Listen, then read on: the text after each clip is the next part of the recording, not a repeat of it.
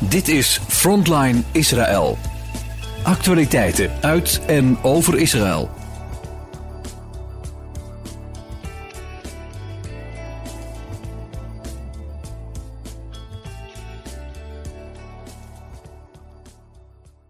Shalom luisteraars, welkom bij Frontline Israël.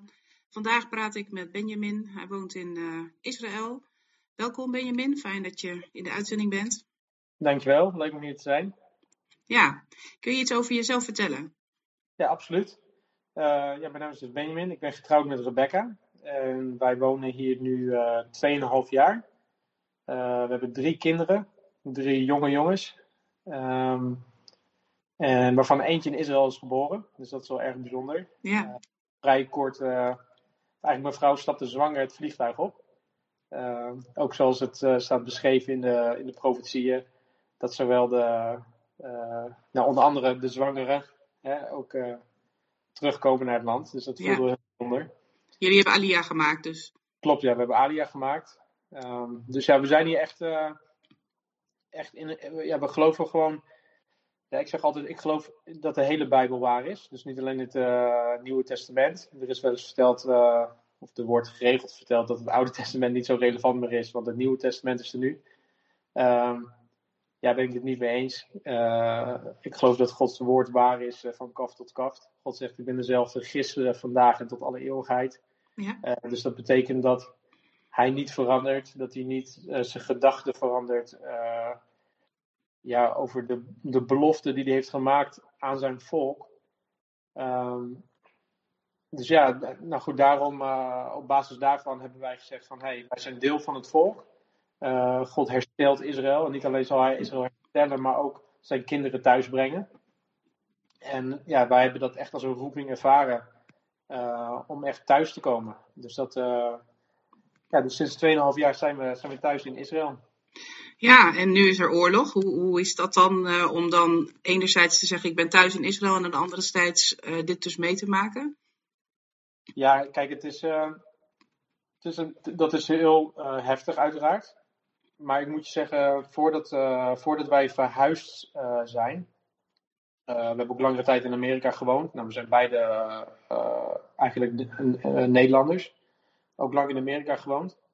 Um, en wij hebben eigenlijk echt samen gewacht totdat we beide klaar waren om naar Israël te gaan. En dat bedoel ik niet alleen praktisch, maar ook echt ook gewoon overtuigd in ons hart. Ik heb al sinds jongere leeftijd verlangen om, om thuis te komen naar Israël.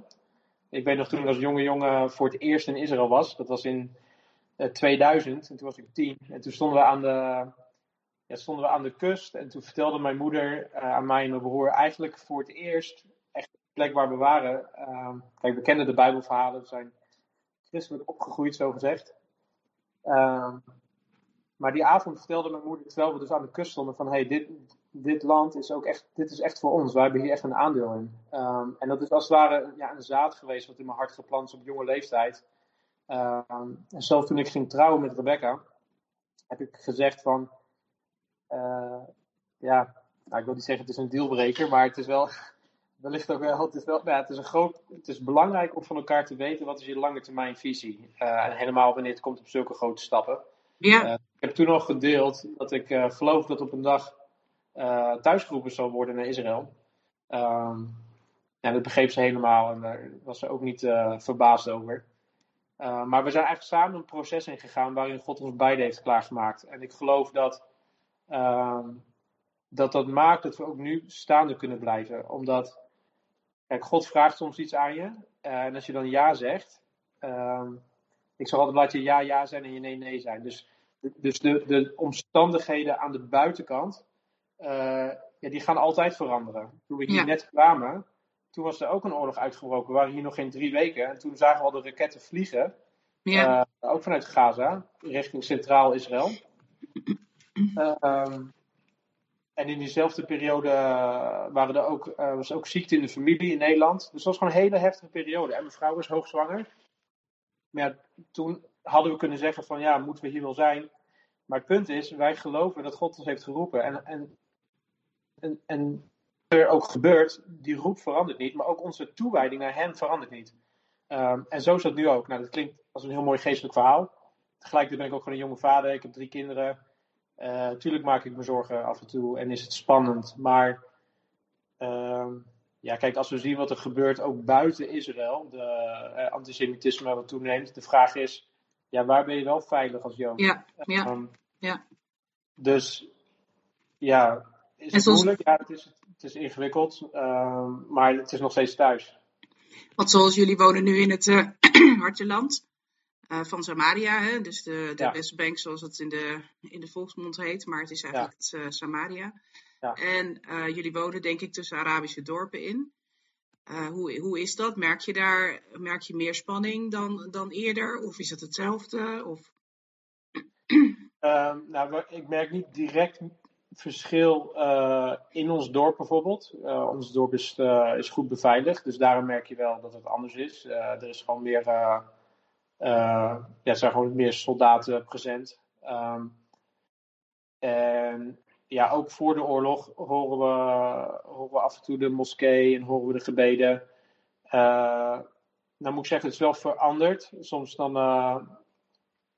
ja, soms lijkt het alsof het. Ja, ik, ik versta niet wat ze zeggen. Maar het mhm. klinkt altijd even hartelijk. Dus, uh, maar tegelijkertijd, ik geloof twee weken geleden of vorige week was er een, een oproep gedaan voor, uh, hè, voor, uh, voor alle Arabieren eigenlijk. Ik geloof dat ze noemden de. Ja, ik ben even vergeten hoe het heet. de storm Al-Aqsa, geloof ik, of de moskee. Oh ja, ja. de Al-Aqsa-storm heet het inderdaad. Ja, ja, nou, en dat verwachtte, was ik best benieuwd, nou, wat gaat er dan gebeuren? Ja, is hier nog steeds relatief rustig gebleven. Of eigenlijk, ja, ik heb geen verschil gemerkt, behalve dus dat ochtendgebed klonk dus een stuk heftiger. Ja. Uh, maar uiteindelijk is er niks uitgekomen dat wij zien. Nou, wat je niet moet vergeten, er is ook een hoop dat ik, ik niet weet en wij als burgers niet weten. Uh, wellicht dat er wel een hoop voorkomen is. Um, dus uiteindelijk de, en de man in het veld. Uh, ja, ik weet wel dat ze, dat ze meer mensen hebben opgepakt, meer dan voor de oorlog. Um, maar wie precies, waarom, wat ze gepland hebben, dat, dat weet ik niet. En dan moet je eerlijk zeggen, misschien is dat goed ook uh, om niet precies te weten. Ja. Uh, ook voor een geruststelling. Want wat heb je dan het idee dat het leven gewoon wel doorgaat? Kun je gewoon naar je werk bijvoorbeeld? Of, uh, of kun je wel gewoon naar de winkel boodschappen doen en dat soort zaken? Ja, ja je merkt uh, vooral dat het wat langer duurt. Kijk, wij uh, ook voor, of twee jaar geleden toen we net kwamen, toen keken we heel erg wat doen de buren, wat doen andere mensen. Uh, de mensen die hier gewoon jaren wonen. Ehm, en zo houden we nu ook een beetje in de gaten. En we merken, ja, ja mensen moeten naar hun werk, mensen moeten boodschappen doen en wij ook. Um, er zijn momenten dat er in dorpen niet ver van ons, dat er bijvoorbeeld een incident is geweest. En dan krijgen we een bericht van, hey, blijf even in de wijk. Hè. Het is beter om nu binnen te blijven. Nou, dan kan ik op één hand tellen dat dat gebeurd is. Uh, en hetzelfde wat je ziet ook gewoon in Centraal Israël, in de grote steden. Er gaan, hè, mensen moeten een uh, schuilkamer in als het luchtalarm gaat. Mm -hmm. En zodra het gevaar weer voorbij is, zo gezegd, ja, gaan ze ook weer verder met hun leven. Gaan mensen zitten op een terras, een kopje koffie. Uh, mevrouw en ik zijn recent samen ook gewoon ja, het dorp uitgaan en even naar de stad een kopje koffie drinken. Ja, dat klinkt heel gek, maar ja, het leven gaat letterlijk door. En, um, en het is ook belangrijk voor jezelf om gewoon weer een soort van ritme te vinden. En een stukje ja, normaal, uh, ook is het niet normaal natuurlijk hoor, maar ja, echt een stukje ritme uh, toch, ja. toch te blijven houden.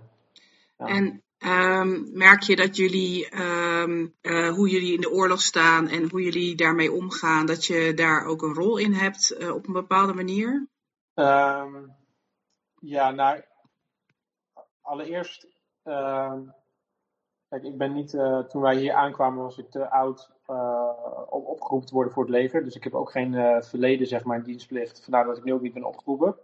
Dat voelt best lastig ergens denk ik van het liefst trek ik uh, ook gewoon boots aan en uh, ja, help ik, uh, ja, help ik ons land zo gezegd. Ja. Um, dus maar goed, praktisch in die zin kunnen we, kan ik daar niet veel mee doen. Maar het zijn kleine dingen. We hebben, wat ik zei, we hebben hier nu meer versterking in het dorp, data. En we hebben ook onze kinderen gevraagd: hey, wat zouden jullie voor de soldaten willen doen? Nou, ze willen ook een kleurplaat maken. Dus we hebben met de, de kinderen die zijn wezen kleuren. Zijn we naar de jongens toe gelopen, kleurplaten uitgedeeld. Ja, dat klinkt echt heel gek hè, op basis van het hele grote geheel. Uh, maar je merkt dat zijn toch kleine dingen. En dat doet echt wat met die mannen. Die, zijn, daar, uh, die zijn er echt heel blij mee. Um, en tegelijkertijd, ja, wij hebben ook een. Wij werken als.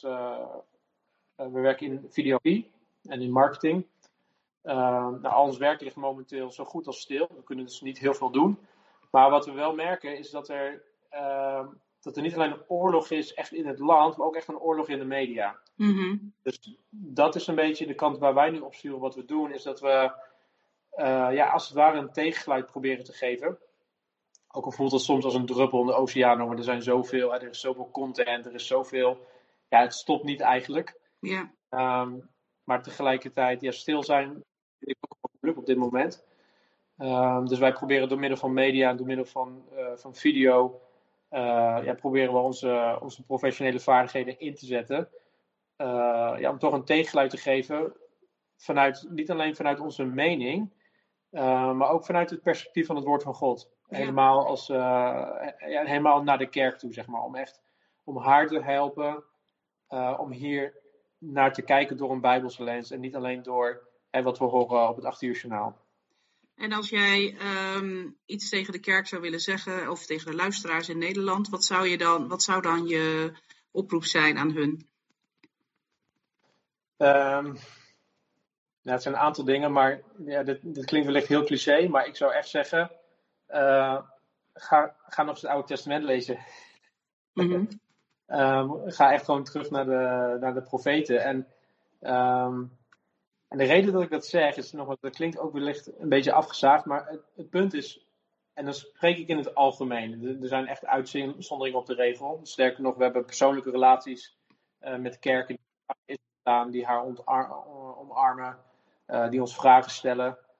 Maar ik denk dat we allemaal wel eerder kunnen zijn dat er ook gewoon een, een, een groot, grote groep is, een groot, uh, grote kerkgenootschap. Mm -hmm. um, ja, die gewoon jarenlang uh, Israël aan de kant gezet. Dus of dat ze vervangingsleer uh, hebben aangenomen. Dus zeggen, hey, de beloftes van God aan zijn volk zijn niet langer voor het volk van God, maar zijn nu voor ons, de kerk. Uh, en dat maakt dus dat er een generatie nu leeft, ja, die gewoon jaren onder die leer hebben gezeten. Die denken, Israël, het gaat toch over mij, hè? dat is niet meer relevant. Um, dus één, dat is, dat is één kant die ik zie. Twee is ook een stukje onverschilligheid. Dus mensen die het wel kennen, hè, voorgangers die wel het verhaal weten, die echt geloven van het is het woord van God. Maar het is een te gevoelig onderwerp geweest, ook voor de oorlog. Mm uh, te ongemakkelijk, krijgen te veel. Uh, ja, dan moet, vraagt iedereen, eh, iedereen denkt dat ze nu keppen moeten dragen. Of moeten, er, komen, er gebeuren gewoon vreemde dingen af en toe. En uit bescherming naar hun schapen uh, ja, hebben ze gezegd van nou, dan gaan we dat gewoon niet bespreken. Um, maar ook dat is niet oké. Okay. Uh, en ook daar zien we nu vruchten van. Dus wat ik dan tegen kerkers zou willen zeggen, ten eerste is ja, bekeer daarvan. Als je mhm. gewoon uh, ja, daar wel echt bewust van af. Uh, je, je, vooral als voorganger ben je een herder, heb je verantwoording voor je, voor je kudde. dus het feit dat de kudde het niet weet, ja, dat neem ik zo niet zozeer kwalijk. Maar ik zou wel zeggen tegen de voorgangers: bekeer je, verootmoedig je, maar blijf daar niet hangen. Ga gewoon ga echt de Heer vragen van, kijk, ook al begrijp je het niet, je, je kan God echt alles vragen. Ja, ik heb echt een heel kinderlijk geloof in die zin. Dus het maakt mij echt niet zo uit of je voorganger bent al voor 30 jaar. Je vragen hoeven niet te veranderen. De Bijbel zegt, kom als, word als de kinderen. En zelfs in deze moeilijke tijden geloof ik dat het echt een hele goede houding is. Om als een kind echt bij God te komen en zeggen, Heer, begrijp het niet. Uh, of ik heb ernaast gezeten, maar wilt u uw woord openbaren aan mij? Wilt u spreken tot mij? Ik geloof dat God dat, dat hij echt zijn hart wil delen met mensen. Ja. Um, dus dat is echt wel een oproep in die zin. Uh, ja, en ten tweede ook voor degenen die het wel begrijpen, zo gezegd. In hoeverre, hè, bij ons, uh, het is natuurlijk onvolkomen, maar uh, ja, echt te bidden. Echt bidden voor, bidden voor Gods volk. En, Heb je dan specifieke punten waarvan je zegt van dat is echt specifiek nu heel belangrijk om voor te bidden? Ja, kijk, er is natuurlijk ontzettend veel. Uh, echt, uh, echt bid voor degenen die nog gevangen zitten in Gaza, de hassetjes. Ik denk dat dat, ja, dat is gewoon echt heel belangrijk. Dat die mensen thuiskomen. er zijn gezinnen, en dan breekt echt mijn hart. Ik bedoel, wij hebben, ik, zeg, ik heb drie jonge kinderen. Het idee dat, dat een van hun niet aan tafel zit elke avond, omdat ze vastzitten in, in een bunker in Gaza. Ja, ja dat, dat, is, dat is hartverscheurend. Um, dus we echt willen vragen om te bidden voor de families. Dat ze echt troost mogen ervaren. Dat ze gedragen zullen voeden. Ehm, maar ook echt dat ze thuiskomen. Dus dat gewoon het leger, dat ze gewoon, gewoon boven natuurlijk insight krijgen van de Heer. Want ik geloof echt, ook ja, de vorige oorlogen, de voorgaande oorlogen zijn ook verhalen, er zijn van wonderen. Uh, zelfs als we kijken naar, uh, ik bedoel, als we helemaal teruggaan naar Exodus, dat, uh, zo'n prachtig verhaal. We lezen aan onze kinderen. Hè, de staf wordt verheven, de zee split en we gaan op droge voeten door het water. Ja, het is makkelijk om te geloven, zeg maar, zo lang geleden. Maar het is, dat, is, dat is echt de God van Israël. Die, die, die kan dat echt. Dus die, ik geloof ook echt, die kan gewoon echt inzicht geven boven natuurlijk uh, aan het leger. Uh, ja, waar deze kinderen, waar deze mensen zitten. En dat hij, dat God echt gewoon de zee weer gaat splijten. En dat, uh, dat de gevangenen op droog land kunnen oversteken terug naar huis. Ja, oké. Dankjewel Benjamin voor dit gesprek. En dankjewel voor je toelichting. En ik hoop dat we elkaar op korte termijn weer een keer spreken. Ja, absoluut. Dankjewel. Oké, okay, tot ziens, Lietrot. Doeg. Tot zover Frontline Israël. Het programma met actualiteiten uit en over Israël. Kijk voor meer informatie op onze website. Als u wilt reageren op deze uitzending, dan kan dat door een mail te sturen naar info radioisrael.nl